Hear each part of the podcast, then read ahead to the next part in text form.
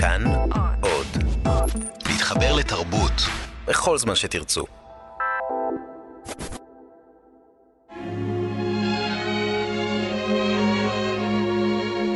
מאחורי הקלעים, שעה עם רותי קרן על צידו הנסתר של עולם התרבות והאומנות. The second star to the right shines in the night for you. To tell you that the dreams you plan really can come true. The second star to the right shines with a light so red.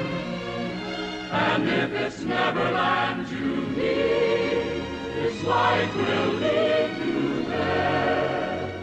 האם אתם אה, מאמינים בפיות? האם אה, לעוף למקום אחר, ארץ לעולם לא, או כל ארץ דמיונית אחרת, אפשרי רק בעזרת אבק פיות, או שאולי הקסם הזה יכול להתרחש בתיאטרון?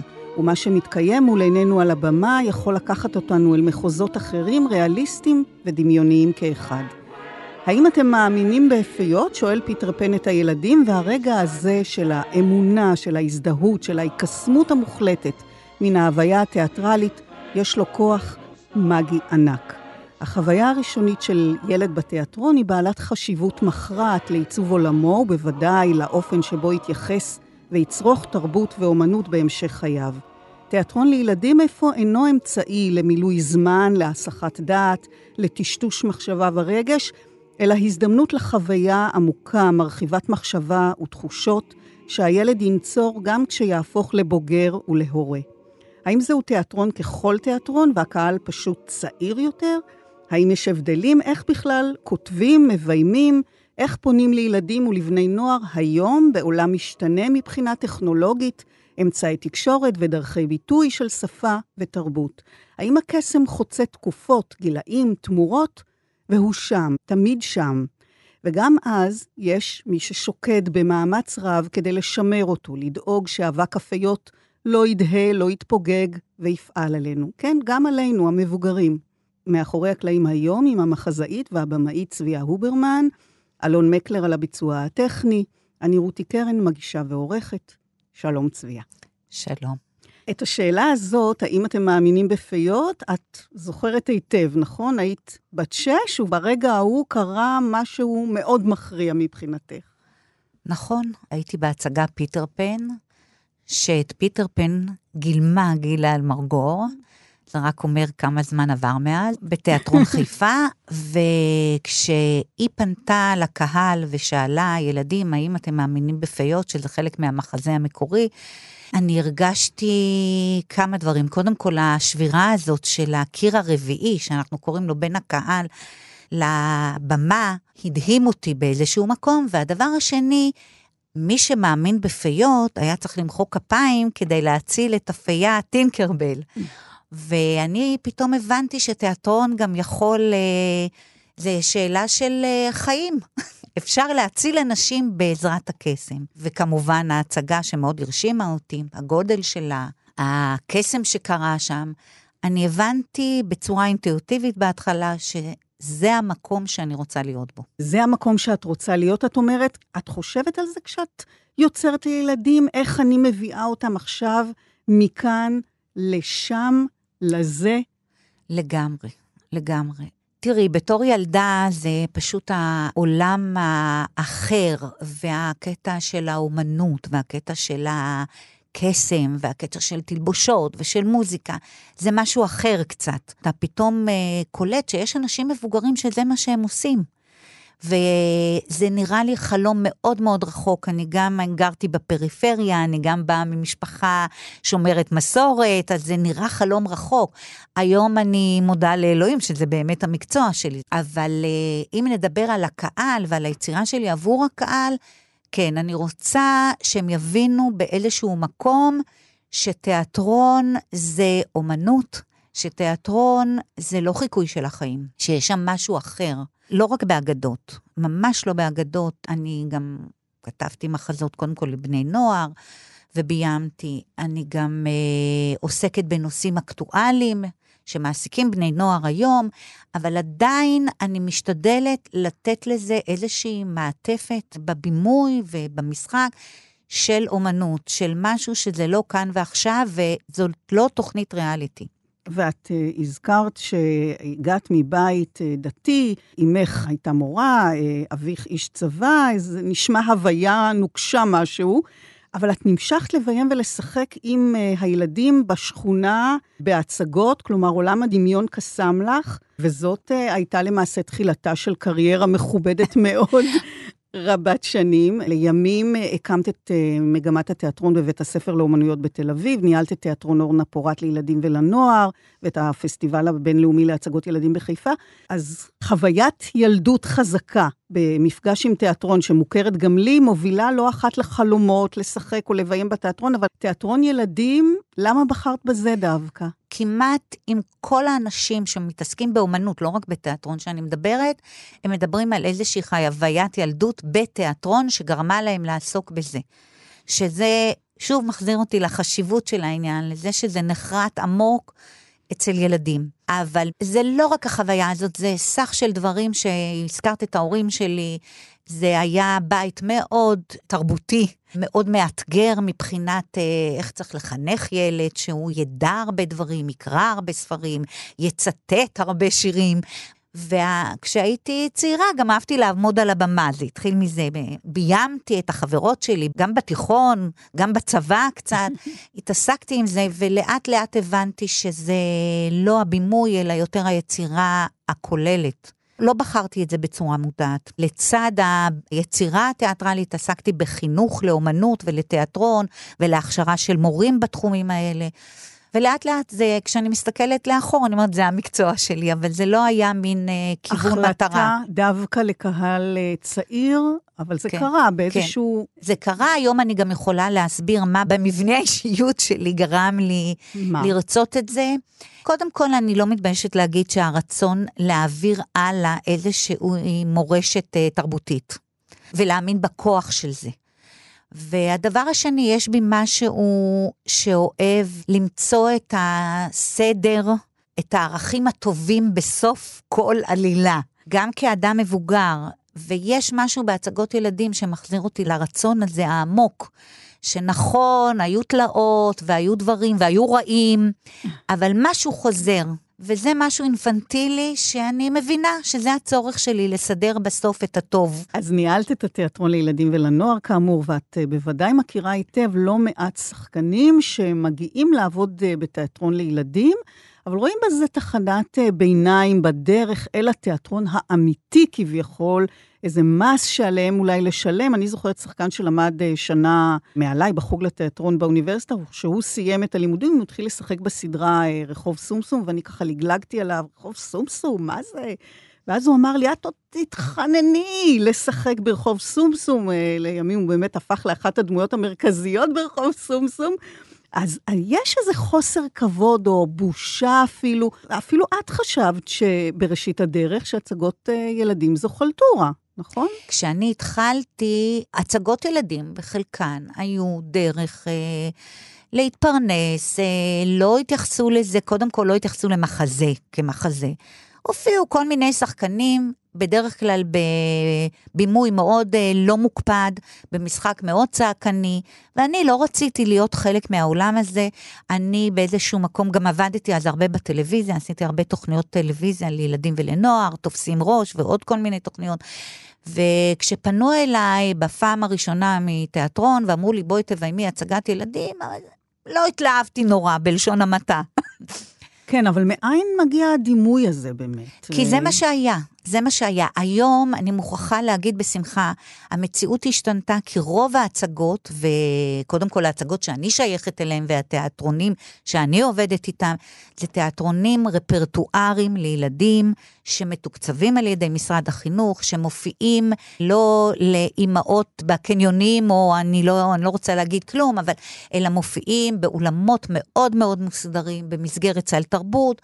וכל תפיסת התיאטרון שם היא אחרת, היא באה באמת מהמקום של מחזה, של שחקנים מקצועיים. והשחקנים, גם מבחינתם יש שינוי בגישה? הם כבר אה, לא... אני לא, לא רוצה להיות אה, נאיבית, עדיין הם רואים בזה תחנה בדרך לתיאטרון למבוגרים. אני תמיד פותחת כל uh, תקופת חזרות בלהגיד כמה לי חשוב תיאטרון ילדים.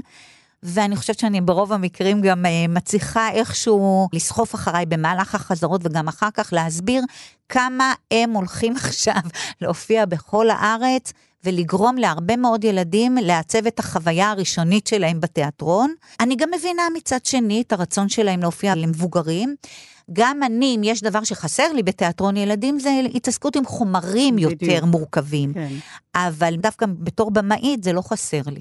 אז נראה שתעשיית כן. הבידור לילדים הפעילה או צבעה גם את התיאטרון האיכותי, העמוק, שמיועד לצעירים, בצבע זול, שטחי ורדוד, אבל צריך לזכור שמיטב הסופרים, המשוררים, המלחינים, כתבו מחזות uh, לילדים. שלונסקי, מוצלי גוצלי, שיוסי יזרעאלי ביים uh, בקאמרי, uh, עם טובי השחקנים בתיאטרון, זאת ההצגה הראשונה שאני ראיתי. נכון. לאה גולדברג, ביאליק, אלתרמן, ובדורות שלאחר כן. מכן אנחנו מוצאים את יונתן גפן כן. ואת מאיר שלו, דוד גרוסמן, שעבדת נכון. על המחזות שלהם. שמצאו בכתיבה לילדים משמעות וערך נעלה. אני חושבת שזו תופעה ייחודית בעולם, שכל יוצר, כל סופר שכותב למבוגרים, הרגיש שהוא חייב גם ליצור עבור ילדים. לא כל כך מחזות, אגב, את המחזות אחר כך איבדו כן, מהיצירות נכון. שלהם, אבל הרגישו דוד גרוסמן ומאיר שלו שהם צריכים לכתוב עבור ילדים, או רוצים לכתוב, אני לא יודעת אם צריכים. אז יוצרים לילדים הם בעלי אה, אישיות מסוימת, ילדים שלא התבגרו, אנשים שמתרפקים על הילדות, או שיש כאן בעצם אידיאולוגיה, מטרה, שליחות? אני חושבת שזה גם וגם. מצד אחד, יש פה את הרצון להמשיך את השושלת התרבותית. יש גם אולי את הצד הטיפה יותר אה, אינפנטילי, אני קוראת לזה, של הרצון להתרפק על הדברים האלה, או הרצון לראות את העולם דרך עיניים ילדותיות. כלומר, זאת תכונה... זה קיים, ש... אני לא יודעת לגבי אחרים. אצלי אין ספק שיש גם את הדבר כן? הזה. כן. את התחלת, אם אני רואה את הקהל מול עיניי, אני רואה את הקהל מול עיניי, זאת עבודה, אני מתייחסת אליה ברצינות, אז אני נמצאת המון בהצגות, אני לומדת את הקהל, שאגב, משתנה מדור לדור ומתקופה כן. לתקופה כל כמה שנים. אני משתדלת להתעדכן בכל מה שסובב אותו, זאת אומרת, זה גם יצירות, אומנות של הדור העכשווי, אבל גם מה הוא רואה בטלוויזיה, מה עם משחקי המחשב שלו, זה מפרה אותי. זה אומר שהכתיבה, הבימוי, המשחק, לילדים מצריכים התאמה מיוחדת באופן החשיבה, באופן תרגום, רעיון לסיפור, מחזה, הצגה? הבימוי, הכוריאוגרפיה, התפאורה, התלבושות, כל הדברים האלה משלב הבימוי, הם לגמרי נעשים כמו בתיאטרון למבוגרים, לגמרי. השוני היחיד זה בחומרים עצמם, ברמת המחזה. שוב, הכתיבה היא מאוד מכבדת, ואנחנו מתעסקים בפלוט, נגיד, בעלילה, ובמורכבות של הדמויות, ובשלד העלילתי מאוד.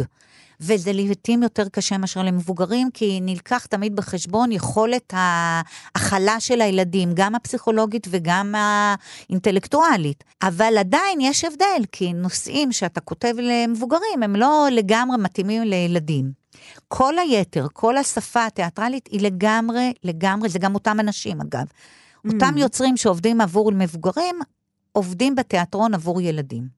אבל פה אולי הם יכולים יותר להתפרע, נניח עם תאורה או עם תפאורה שהיא... אה, וזאת הסיבה הנוספת למה אני בתחום הזה, כי יש הרבה יותר לגיטימציה למה שאני קוראת תיאטרון מסוגנן. אני לא אומר פנטזיות, כי גם במחזות ריאליסטיים, אני אתן אה, דוגמה, לפני כמה שנים עשיתי הצגה על נחום גוטמן, הצעיר, בילדותו.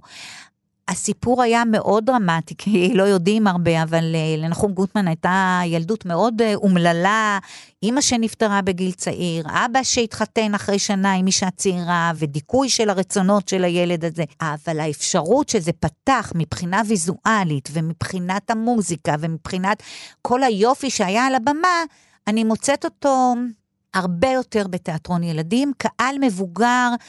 רוצה בעיקר דרמות ישראליות, תיאטרון ריאליסטי, וכשאתה מראה לו מסכות על הבמה או בובות על הבמה, בניגוד למה שמקובל בעולם, לקהל המבוגר הישראלי יותר קשה לעכל את זה. בעצם אנחנו מפספסים משהו מאוד יפה. נכון. טוב, אז כדאי מפ... ללכת להצגות ילדים. שינוי, וזה שינוי כן. שאני מרגישה... שגם בתיאטרון הילדים אני משתדלת לעמוד חזק נגד הזרם הזה ששוטף אותנו לריאליטי גם בתיאטרון. כן, כן. גם אצל הילדים, גם המורות שבתיאטרון הילדים הם אה, בחלק גדול מהמקרים המתווכות, אלה שבוחרות את ההצגות, כי הם רואים את זה בבתי ספר, רוצים את הסיפור הישראלי ותכנים כאלה, חינוכיים. ואני מאוד משתדלת, ויש לי, לשמחתי, גם שותפים בתחום הזה שעומדים מול הזרם הזה של הרצון להפוך את הכל לריאליטי. אני מתעקשת להביא פיוט, להביא אה, תחכום, להביא תיאטרון. את הקסם. את הקסם. יש כאן שולחן וכיסאות ווילונות. יש כאן קירות צבועים זהב וגם תמונות. יש קערות וגם ריחות של תבשילים. איפה? שרה, אין כאן כלום, זה הכל מילים. עכשיו עזרי לי לסדר את הכפות. הסכינים, המזלגות, הכפיות. בחיי, הראש שלך לגמרי מקולקל. את הפרחים סדרי בתוך האגרטל. אם תאמיני, הקסם מתרחש. אם רק תסכימי, האין הופך ליש. יש לנו דמיון, אז יש לנו הכל.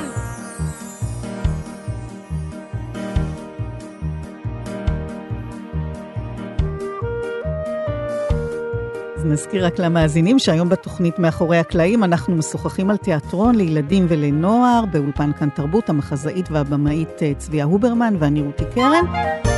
עכשיו אני עונדת עגילים, ואני עושה תסרוקת טלטלים, ובחלון עולה לקשת שנמתחת, ויש ציפור והנה שמש שזורחת.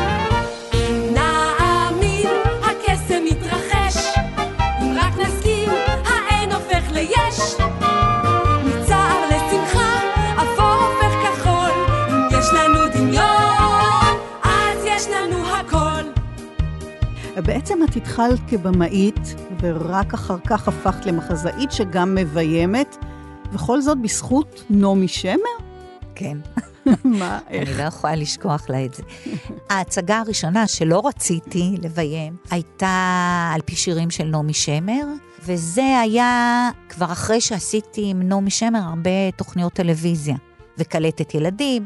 כבר היינו ממש אה, בקשר, והיא לחצה עליי, אמרה לי, קחי את זה ותעשי, ואז אני יודעת שזה בס... אני, את שם. אז אמרתי לה, תראי, אני כתבתי קצת, וזה, אז היא אמרה לי, תכתבי.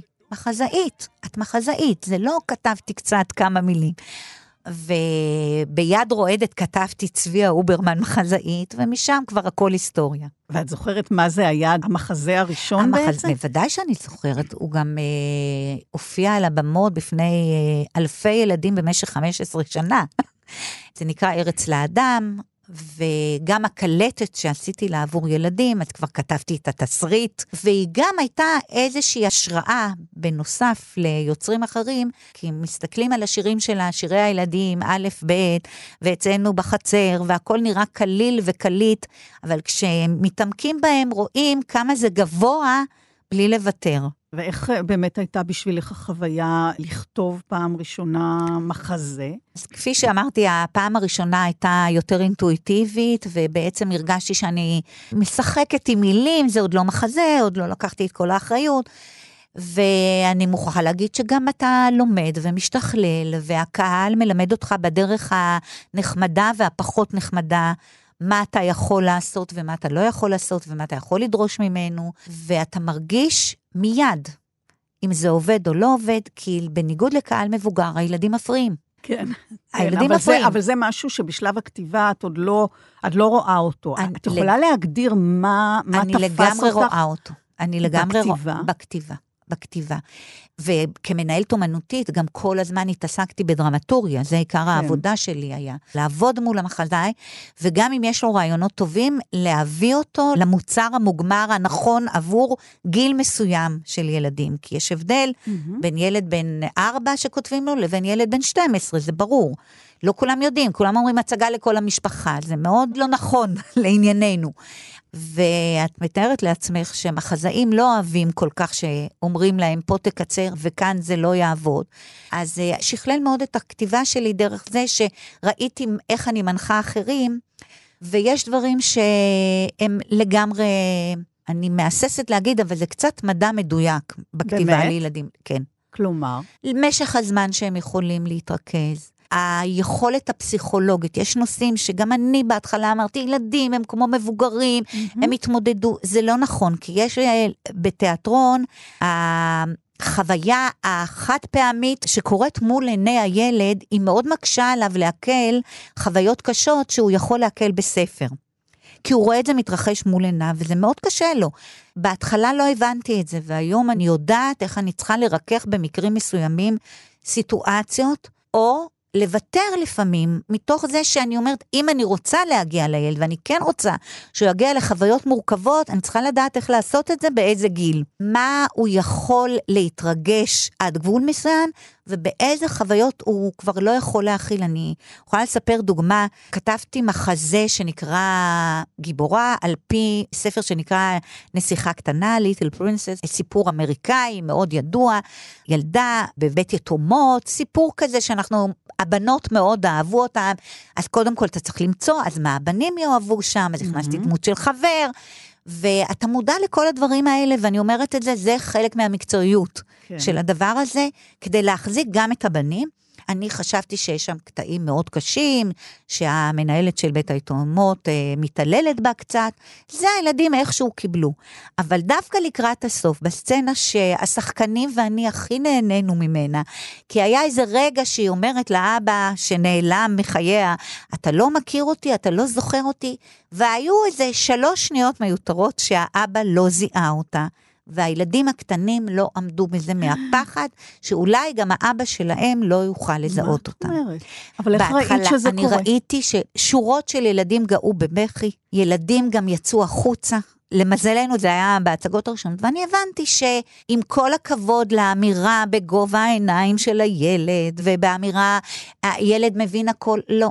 לא, יש משהו שאנחנו צריכים להבין, כמו שאנחנו לא ניתן לו לקרוא את, אה, אני יודעת מה, אישה בורחת מבשורה, אז אנחנו גם לא ניתן לו להתעסק עם דברים שקשה לו להכיל בגיל הזה. את מספרת שזה התחבר לכם תוך כדי המפגש עם הקהל. בגנרלית. ואני שואלת, איך את יכולה, כי את בכל זאת כבר אדם מבוגר, ומגע אומנם עם ילדים כל הזמן, ואת רואה אותם, אבל בכל זאת, העיניים הם כבר עיניים של אדם נכון. מבוגר, ואיך את יכולה להיכנס פנימה לתוך הנפש והעולם של הילד ולצפות מה הוא יוכל להכיל, מה הוא לא יוכל להכיל. וזה באמת מה שמושך אותי.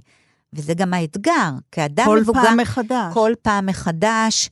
אני מרגישה מאוד כבר אה, מיומנת בתחום הזה, ודווקא זה, גם כל פעם לנסות כן להרים את הרף, קודם mm-hmm. כל אינטלקטואלית, וכן לקחת אותם עוד צעד, גם לדברים הטיפה יותר קשים, ולראות אם הם עומדים בזה, ולא לוותר מצד אחד, ומצד שני להיות מודע שיש בצד השני אנשים קטנים שכן, אתה צריך להתחשב בהם.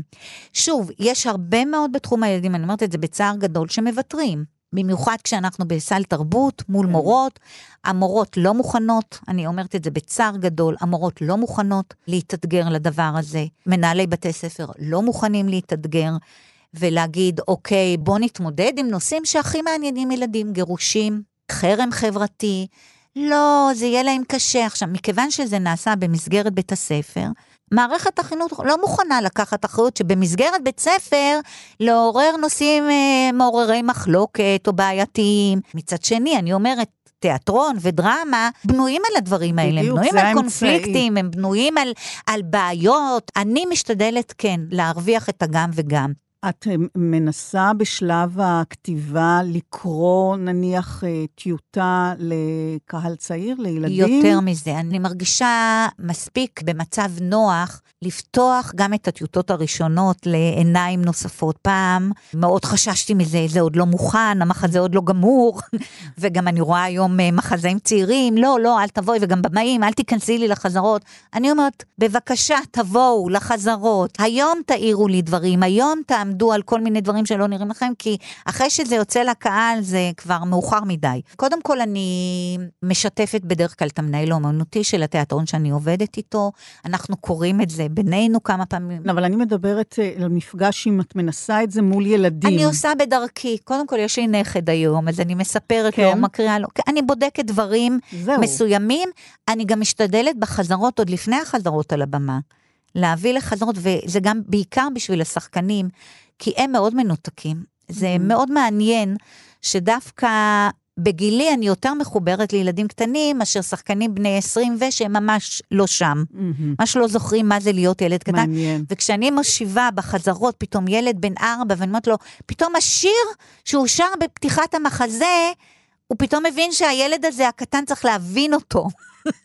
זה מאוד עוזר. אז את מביאה לפעמים ילדים כן, לך שיושבים- שלב החזרות, כן, כדי כשהם לקב- יושבים, מספיק ילד אחד. אגב, דיברנו על פיטר פן, כשאני ביימתי את פיטר פן בתיאטרון חיפה, שזאת הייתה חוויה מרגשת, מכיוון שעשיתי את זה באותו תיאטרון שאני ראיתי את זה.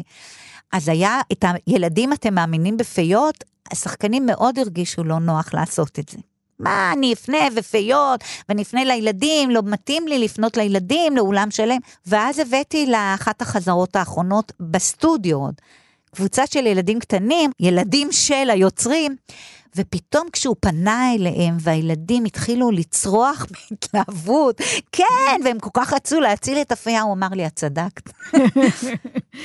זה כמובן מתחבר אה, מיידית עם מה שאנחנו מכנים אה, תיאטרון איכותי, לעומת תיאטרון המוני, מסחרי, כל הפקות חנוכה המוכרות, פסטיגלים למיניהם שמבוססים בעיקר על כוכבים, חלקם היו תלמידים שלך בבית הספר לאומנויות, ובעיקר היחס לילד, האמצעים, הרעש, המסר, התכנים, וילדים, גם את אמרת לי את זה, אוכלים הכל. זה לא נכון שהם יודעים להבחין בין איכותי לזבל. הם באמת... זה אה, לגמרי לא נכון. אז איך מתחרים בזה? איך אה, מושכים קהל של ילדים להצגת איכות שלכאורה לא מרוחה באבק פיות או בנצנצים יותר נכון?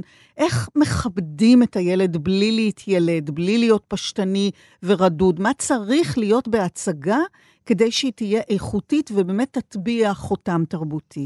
אנחנו לא מתחרים. אנחנו בכלל לא בתחרות הזאת. אגב, אני אמרתי את זה גם בתור אה, מורה לתיאטרון, שהביאה לתלמידים שלה את אלתרמן ואת עגנון ואת שייקספיר, וכבר אז, שזה התחיל לפני עשר שנים, כבר התחיל ערוץ אה, הילדים ופסטיגלים, ואמרו לי, למה צריך ללמד את הילדים את שייקספיר, ולמה צריך אלתרמן, זה נורא קשה להם. אז uh, חלק מהעניין זה אנחנו לא בתחרות של הרייטינג. אנחנו עושים את הדברים שלנו, ואני מוכרחה להגיד שיש את הקהל. יש. יש. הורים, לשמחתי, שאומרים, אני רוצה לילד שלי הצגות איכות. לי זה מספיק. לי זה מספיק. אני גם uh, אומרת את זה גם על תיאטרון מבוגרים. זה כמו הסיפור עם העורב עם הנוצות. אתה תרוץ אחרי הרייטינג, אז אתה גם תפסיד את הקהל הזה, כי הרי כל כך נמוך אתה לא תרצה לרדת. הפסטיגל עושה את זה יותר טוב. את הנאצצים ואת הכוכבים. אתה תהיה פסטיגל לעניים, אז עדיף שתעשה תיאטרון. ומה זה אומר? מה צריך זה אומר? להיות? אני אומרת שוב, זה, זה שני זה? דברים. קודם כל מחזה. כתיבת מחזה, שהיא כתיבה של מחזה, כמו שכותבים מחזה. ארגון העלילה, אתה דיאלוגים. כותב על- מחזה, אתה מביא מחזה. ואתה כותב דמויות. הם ואתה כותב... חושבים שהם גם כותבים. לא, הם לא. תראי, אני אתן לך דוגמה שלא... דווקא משום שאני עשיתי הרבה הצגות חנוכה אחרות, אז אה, היה מישהו שאמר, אני רוצה עכשיו את ההצגת חנוכה של המפיק הזה וזה, שאת תכתבי. ופנו אליי, ואז אמרו לי, לא, אבל את צריכה לדעת שיש לנו את הכוכבת הזאת ואת הכוכבת הזאת ואת הכוכבת הזאת, אני לא אזכיר שמות, ואת צריכה לקשור בין... אז זה לא ככה. לכתוב בשבילם כן, בעצם. אז זה לא ככה. כבודם במקומם מונח, ואני חושבת שקודם כל ההורים מאוד מאוד נהנים מהכוכבים, יותר מהילדים, אין לי בעיה עם זה.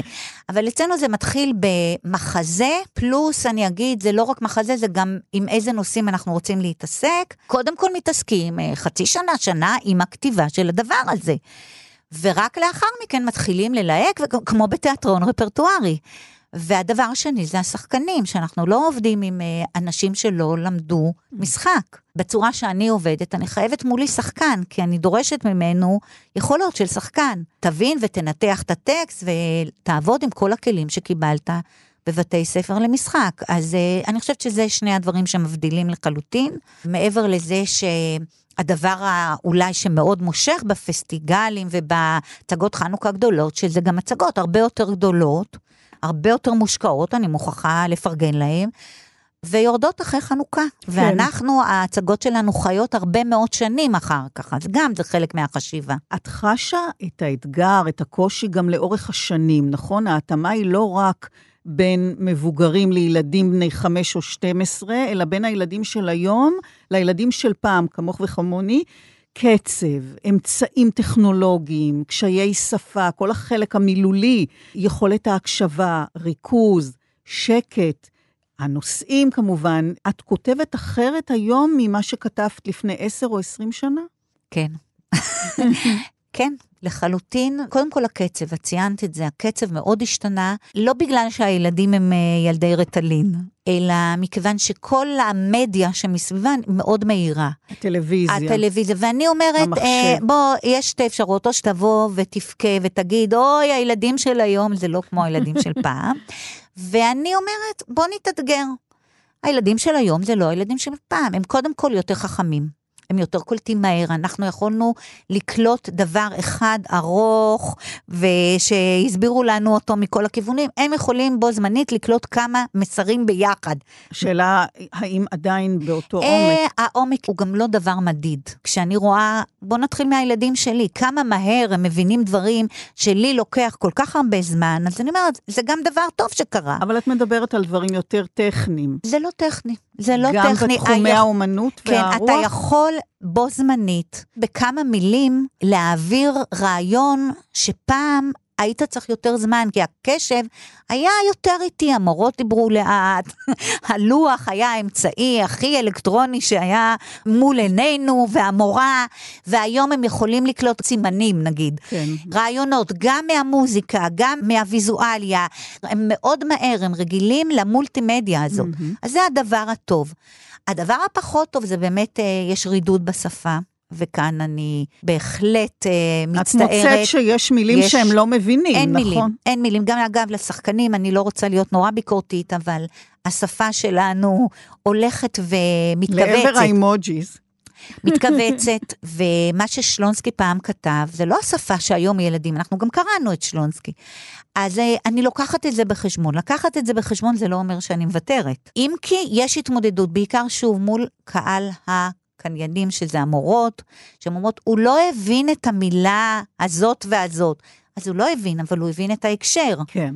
זה גם למדתי משלונסקי, שפעם התראיין ואמר, גם אם המילים קשות, הילד ילמד את המילים מתוך ההקשר mm-hmm. והוא ילמד עוד מילה. כמו שלומדים שפה. נכון, כמו שלומדים כן. שפה. מה האתגר הכי קשה בכתיבה מבחינתך? להחזיק. נקודת המוצא היא שילד שלא מעניין לו, מפריע. לא, אבל כשאת כותבת... זה חלק מהעניין. זה כל הזמן לפלרטט עם הרצון שלך לתחכם, להעמיק, ועם ההבנה של סטופ, עכשיו זה נגמר, עכשיו עוברים הלאה. וגם העניין הפסיכולוגי, שאוקיי, נתת סצנה קשה, דרשת מהילד אה, להתעמק ולהרגיש, וגם ילדים לא אוהבים בפומבי, בקהל של 900 ילדים, לבכות. אז נגעת בנשמתו, והוא כבר על סף דמעות, תן לו את הליטוף אחר כך, תן לו את ההומור אחר כך. זה אתגר של ראייה באמת של איך אתה עושה את זה. של כל הזמן איזונים כל כאלו. כל הזמן איזונים.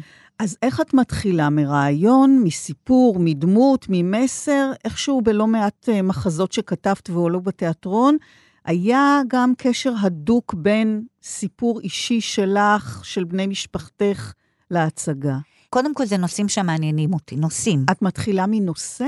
אני מתחילה מנושא שהוא רעיון, כן. אתה, רעיון. כשאין לך מחזה, אתה מתחיל על מה אתה רוצה לכתוב. Mm-hmm. אז נגיד, אם כתבתי על נחום גוטמן, אז רציתי לכתוב על נחום גוטמן. פתאום קמת בבוקר והחלטת? אה, זה דמות שהאמת, רציתי לכתוב עליו, כי זה... בילדותי לא היינו משופעים בספרי ילדים, ושירים ופזמונות ילדים היה ספר אצל הרבה מאוד ילדים, והציורים של נחום גוטמן... הפעילו אותך. הפעילו אותי. כן.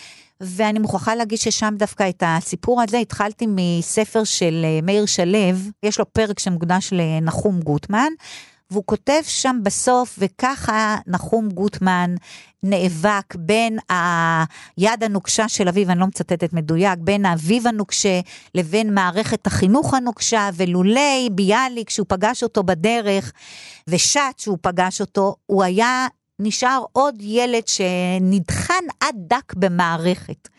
וזה נורא הפעיל אצלי. את ראית את הילד. אה? ראיתי את הילד וראיתי את ביאליק, שתמיד אהבתי אותו, איך הוא באמת מצא את הילד הזה, הוא לימים... הילד שהפך לאומן. והילד שהפך למאייר הקבוע כן, שלו, אבל הוא כן. הכיר אותו בגיל חמש. כן. ואמרתי, יש פה סיפור. יש פה סיפור. ואז קראתי שגם האימא נפטרה, וכל מה שהיה אז אמרתי, יש פה סיפור. Mm-hmm. יש נושאים שאני מרגישה שצו השעה. מחייב אותי להתעסק בהם, כמו הצגה הנחשול לבני נוער, שזה על תופעת הפשיזם והתקרנפות, וזה לשמחתי הצגה שרצה המון שנים בחטיבות ובתיכונים, כי זה סיפור של באמת ניסוי שעשה מורה בארצות הברית, ניסוי בפשיזם, ואני אומרת, אותו אני רוצה... כן. להביא לבמה. לפעמים זה סיפורים היסטוריים, ציינתי את גוטמן, ציינתי אקסודוס, שגם כתבתי, ובכולם, אני מוכרחה להגיד, תמיד יש גם, לא תמיד אני מודעת לזה בהתחלה, לפעמים הולכת כאילו mm. לנושא חיצוני, ופתאום אני מוצאת שם את עצמי, ואם אין את זה, זה פחות טוב. למשל, אה, בסיפור של אדיסון, אני כתבתי הצגה על אדיסון. תומאס אדיסון, שזה סיפור מלא חומרים טובים ודרמטיים, איך הילד הזה, שזרקו אותו מבית ספר והוא לא הצליח ללמוד, נהיה אדיסון שהביא לעולם כל כך הרבה המצאות. אבל תוך כדי שאני כותבת, אני מרגישה שאני כותבת את המונולוגים של האימא, שאת הבת שלה העיפו מבית הספר. כי את הבת שלי באותה תקופה היו לה בעיות, והיא החליטה בסוף לעזוב, והיה לי מאוד קשה עם זה. ופתאום אני רואה שאני מדברת מקולה של האימא של אדיסון. תמיד אני מוצאת איזשהו דבר שמפעיל אותי באופן אישי, ואני מתחברת אליו. למשל, עשיתי מולן, שהקטע הפמיניסטי היה מאוד מאוד חזק שם. הרבה פעמים הנושא הזה של ילד, אומרים הילד החריג, אבל הילד החריג יש לו כל מיני ניואנסים. הילד החריג שבאיזשהו מקום כן מבטא את עצמו, זה נושאים שמדברים אליי, גם מתוך מי שאני. אה, כתבת גם על הבן שלך. זה הילד, אה, כן, מיכאל, שזה הצגה שהתחילה מזה. שקודם כל הבן שלי צייר המון, כשהוא היה קטן, לא ידעתי שיש הרבה ילדים שאוהבים לצייר קומיקס. Mm-hmm. זה לא בא מתוך כישרון ציור, אלא דווקא מתוך הרצון לספר סיפור. אז uh, התחקיתי קצת אחריו, ומזה נולד גם סיפור באיזשהו מקום, שכמובן הלך כבר למקומות אחרים, אבל... הזכרת את אדיסון, וסיפרת לי שהיה ילד בקהל שההצגה השפיעה עליו כל כך, שהוא uh, בעקבות המפגש עם הדמות הזו של אדיסון בתיאטרון. Uh... זה יותר מעניין, זה ילדה. זה ילדה. ילדה. ברגע שהסתיימה ההצגה ונדלקו ההוראות, שמעתי אותה אומרת, אמא, אני רוצה להיות מדענית. אז זה גם חלק מהדברים שאתה מרגיש הרבה יותר בקהל של הילדים.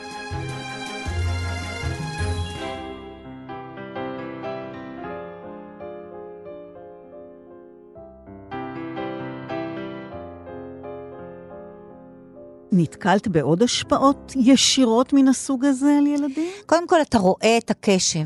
ואני שוב מוכרחה להגיד שאני מכורה לזה, זה כאילו משהו כבר, שאני נמצאת בהצגה, זה בוורידים.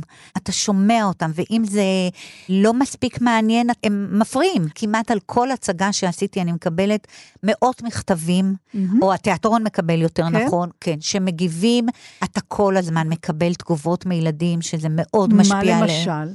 גם לי קרו המקרים האלה, גם לי הציקו, הרבה פעמים הם כותבים לשחקנים, גם לי הציקו כמו לילד במיכאל, מה לעשות?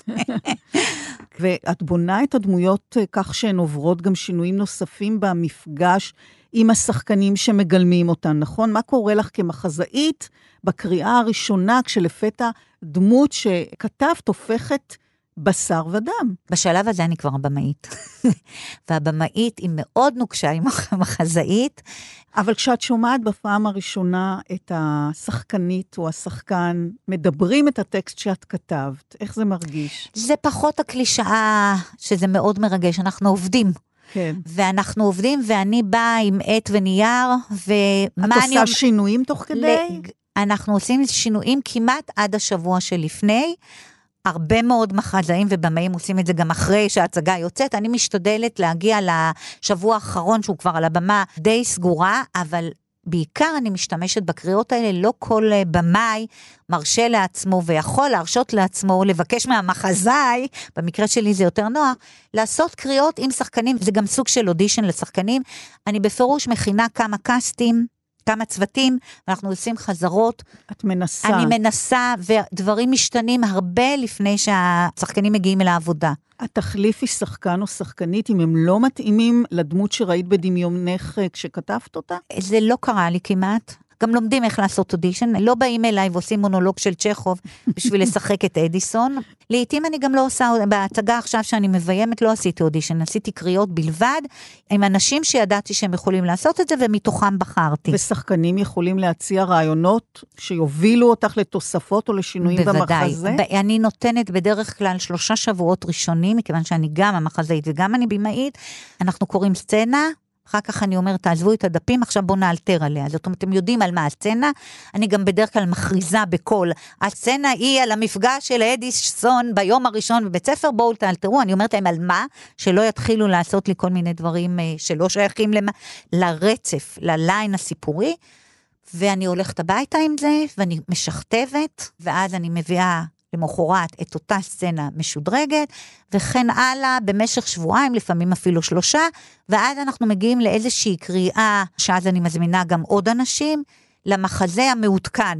אז במפגש עם השחקנים, יש בוודאי גם חילוקי דעות, בקשות מיוחדות, תרעומות או ניסיונות להשפיע עלייך? זה כן, אבל זה ממש לא מתואר ככה, ואני גם ביום הראשון בדרך כלל אומרת, זה לא קונפליקט, זה סיפור אהבה.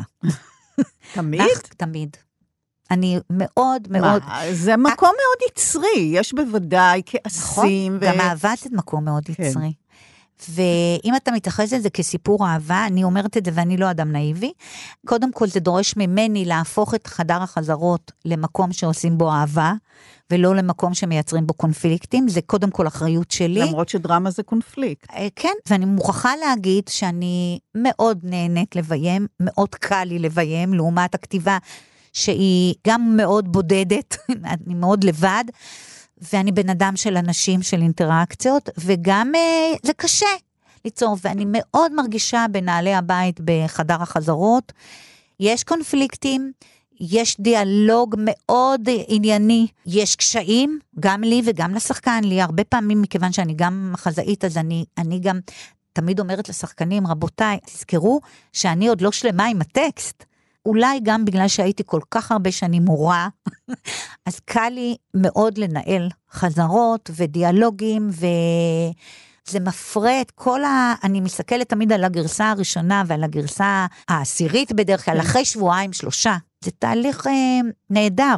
ואת מדברת על הדיאלוג, אמרת שאת כבמאית, את מאוד אה, נוקשה עם עצמך כמחזאית, אז את באמת מנהלת כן, אה, עם כן. עצמך איזה מין שיח? כן, זה תהליך שלומדים אותו, ואני אומרת שוב, כמנהלת אומנותית, אתה מנהל במאים ומחזאים, וגם פותר את הקונפליקטים ביניהם, ובעיקר עם מחזאים, אני חושבת. אני לא ידעתי, לפני שניהלתי אומנותית, גם את אה, תיאטרון אורנה פורט וגם את הפסטיבל, לא ידעתי שעיקר העבודה זה דרמטורגיה. אני חשבתי שיהיה לי מאוד כיף עם שחקנים, וזה הרבה מאוד דרמטורגיה, ואני חושבת שזה רוב המנהלים האומנותיים, זה העול הגדול, שיהיה קודם כל מחזה טוב. ואני ראיתי את ההתנגדויות, ומההתנגדויות של אחרים למדתי מה לא לעשות.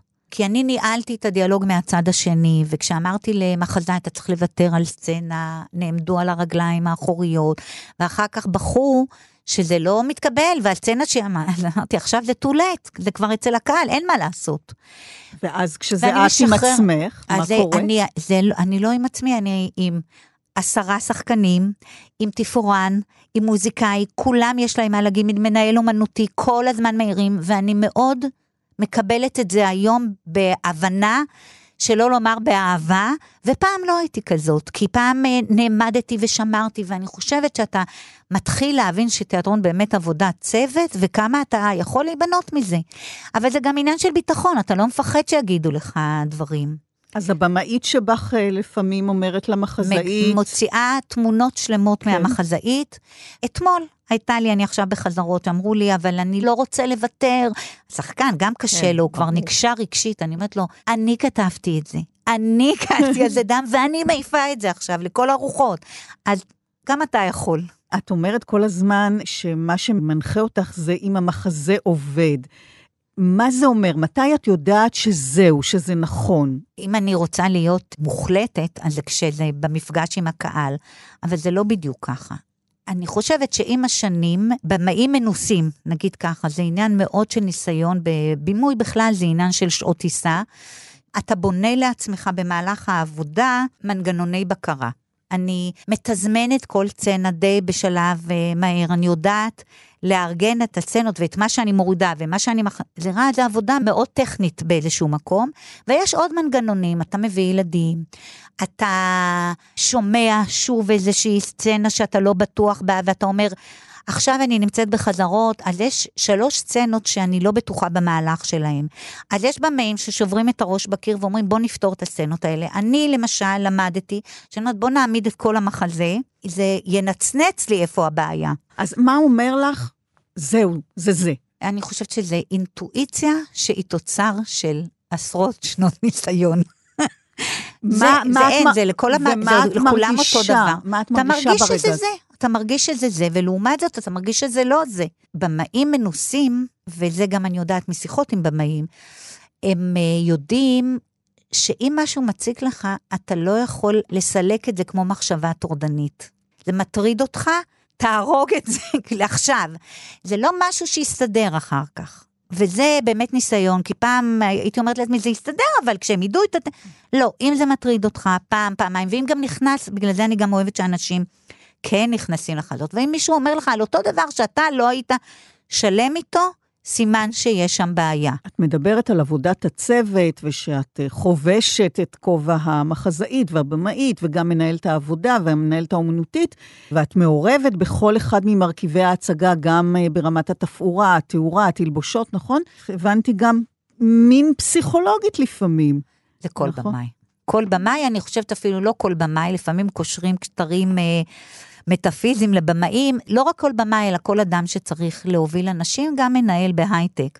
הוא גם פסיכולוג, כדי לקבל את התוצר נגיד ככה, אתה חייב לדעת להתחשב ביכולות שלהם, להתחשל גם בבעיות הנפשיות שלהם, איפה המעצורים, איפה האהבות שלהם, איפה הכוח שלהם, איפה הדברים הדומיננטיים. זאת הסיבה בעצם שאני נשארת במאית, כי יכולתי כבר מזמן לתת את המחזות שלי לאנשים אחרים, גם עשיתי את זה מדי פעם, לביים.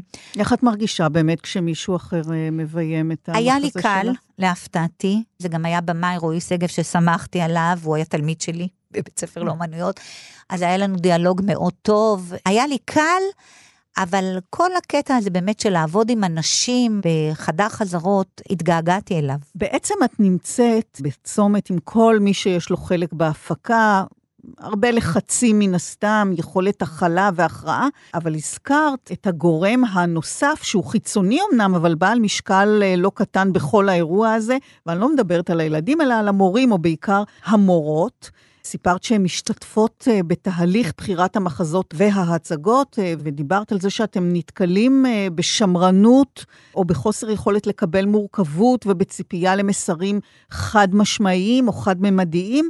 מה את עושה עם זה? זה באמת הנקודה ש...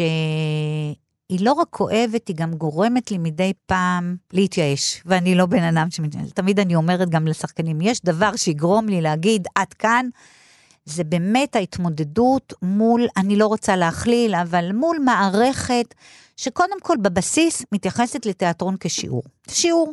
שיעור צריך להיות מובנה וצריך להיות לו מסר.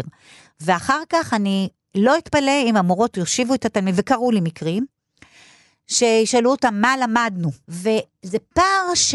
לא מה הרגשנו. כן, אני יכולה אפילו לספר סיפור, שתמיד יש מנהל או מורה שפותח את ההצגה בבוקר, ויש 900 ילדים שצורכים באולם, והיה מנהל שאמר, היום אנחנו נראה הצגה שלא באנו ליהנות ממנה, אלא ללמוד ממנה. או-אה. אז איך או-אה. אנחנו רוצים שהילדים של היום, שכפי שכבר אמרתי, הם חכמים יותר ומהירים יותר, כל ההתניה שלהם היא כבר באתי ללמוד. הנאה זו מילה גסה. הנאה, לא באתי ליהנות. זה בבסיס שיעור עם תוכן. ומסר. קודם, ומסר. ולקח. כן, אין לי בעיה עם הצגה שיש בה גם ערכים חינוכיים, ממש לא. אבל uh, זה לא במקום. ההצגה היא ערך מוסף אומנותי, וחייבים לחנך גם לדבר הזה, שלשפה האומנותית, לזה שזה בעצם אומנות, זה לא אחד לאחד החיים. עכשיו, החינוך הוא בעורקיי, אני הלוואי וכבר הייתי יכולה להוציא אותו מעורקיי.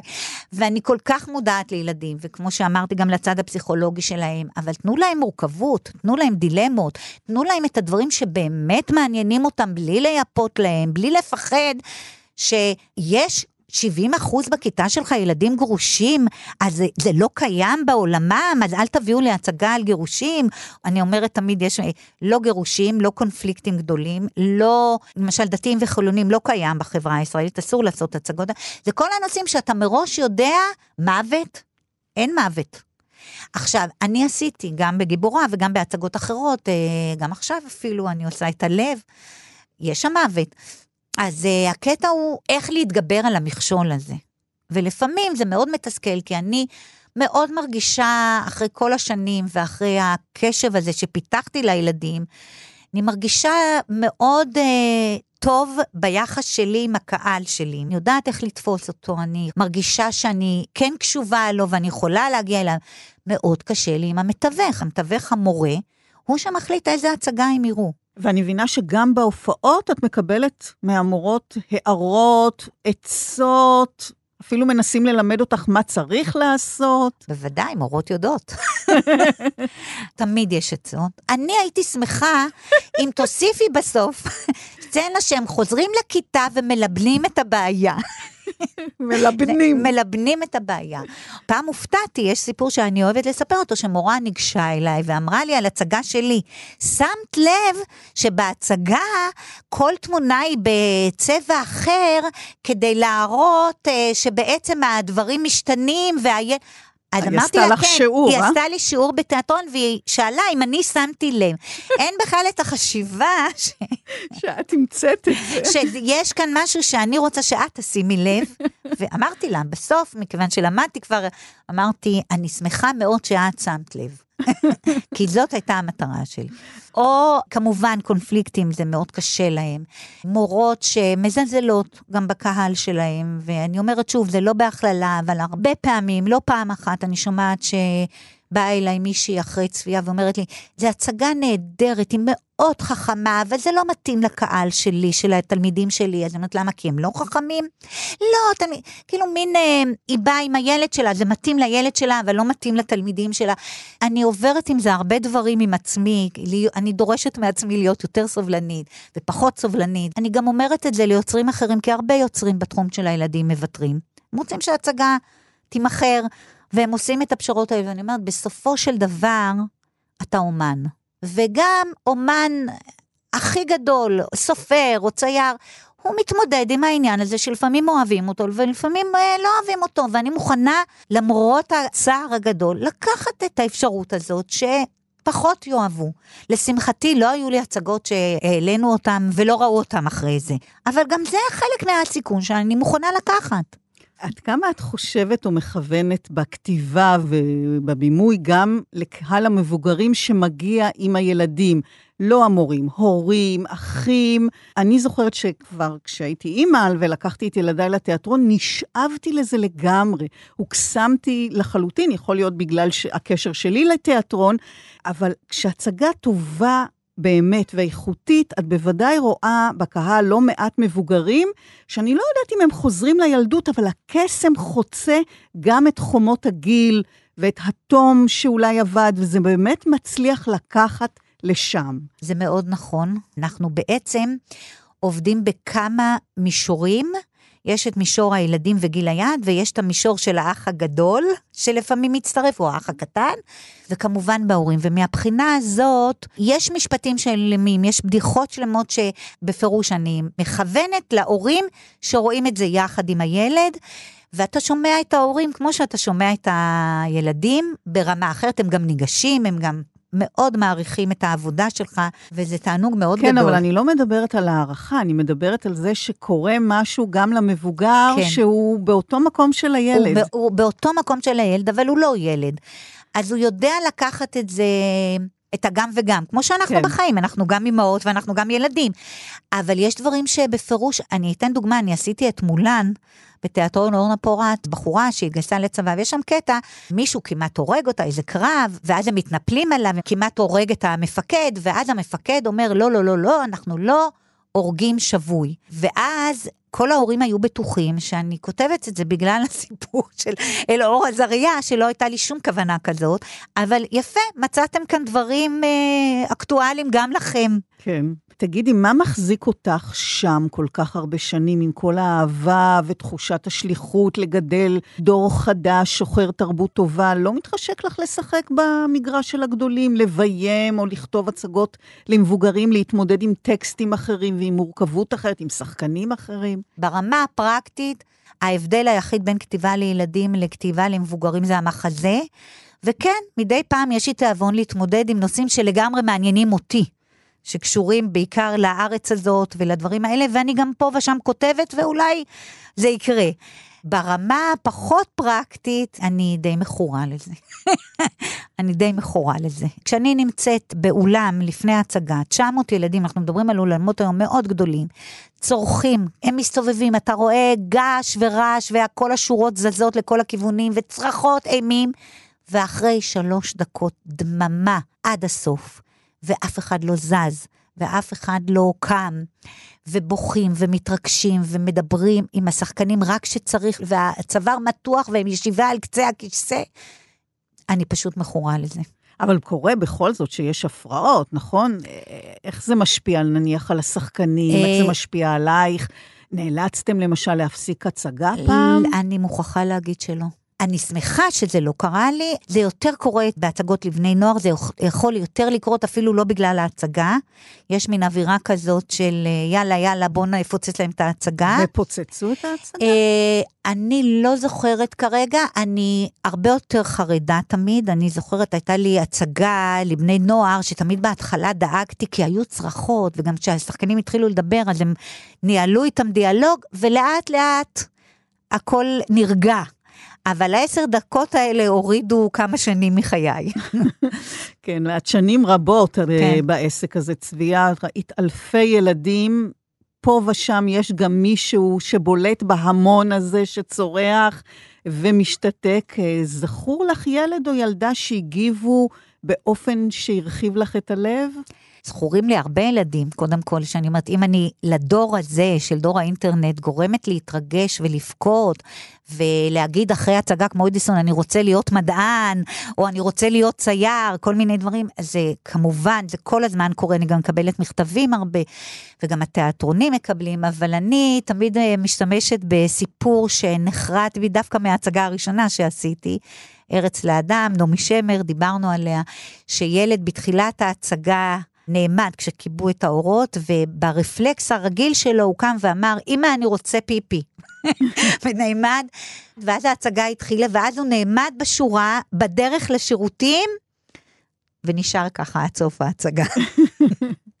אז מחיאות הכפיים, בעמידה דרוכה בדרך, כי ההצגה כל כך תפסה, תפסה אותו. אותו. ואת חושבת ברגעים האלה על עצמך כילדה שרצתה להיות שם, והיא שם עכשיו? זה דומה לפנטזיה ההיא?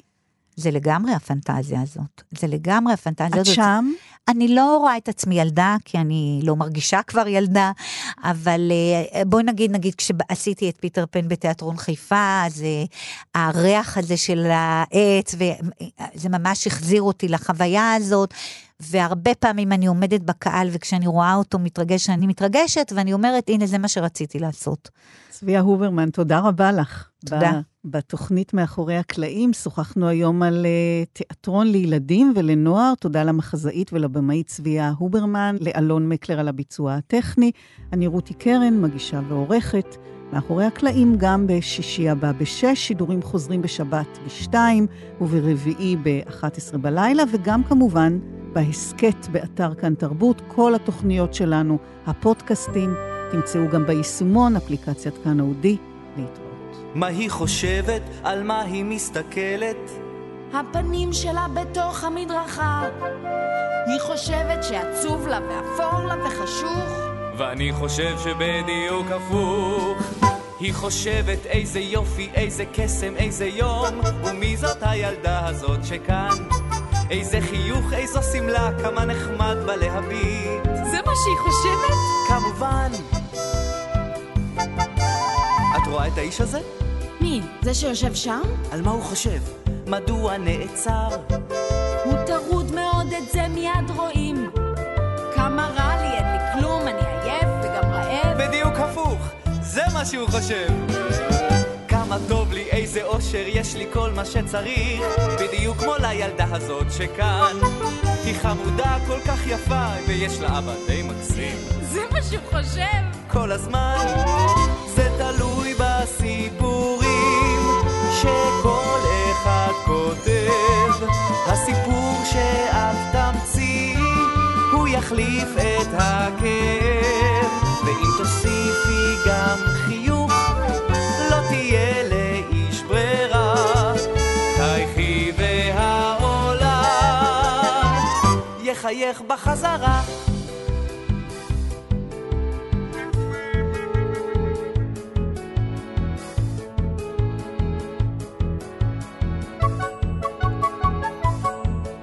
מודאגת ומוטרדת, זה ברור. איך יהיה ומה יהיה, ואם בכלל לא אסתדר. היא בכלל חושבת משהו אחר. יהיה נפלא ונהדר, והעיקר שאחייך, כך חושבת הילדה הזאת שכאן. יהיה לי טוב בכל שעה, בכל מקום אשר אהיה. אז זה מה שהיא חושבת? כמובן, זה תלוי בסיפורים שכל אחד כותב. הסיפור שאת תמציאי, הוא יחליף את הכאב. ואם תוסיפי גם חיוך! לא תהיה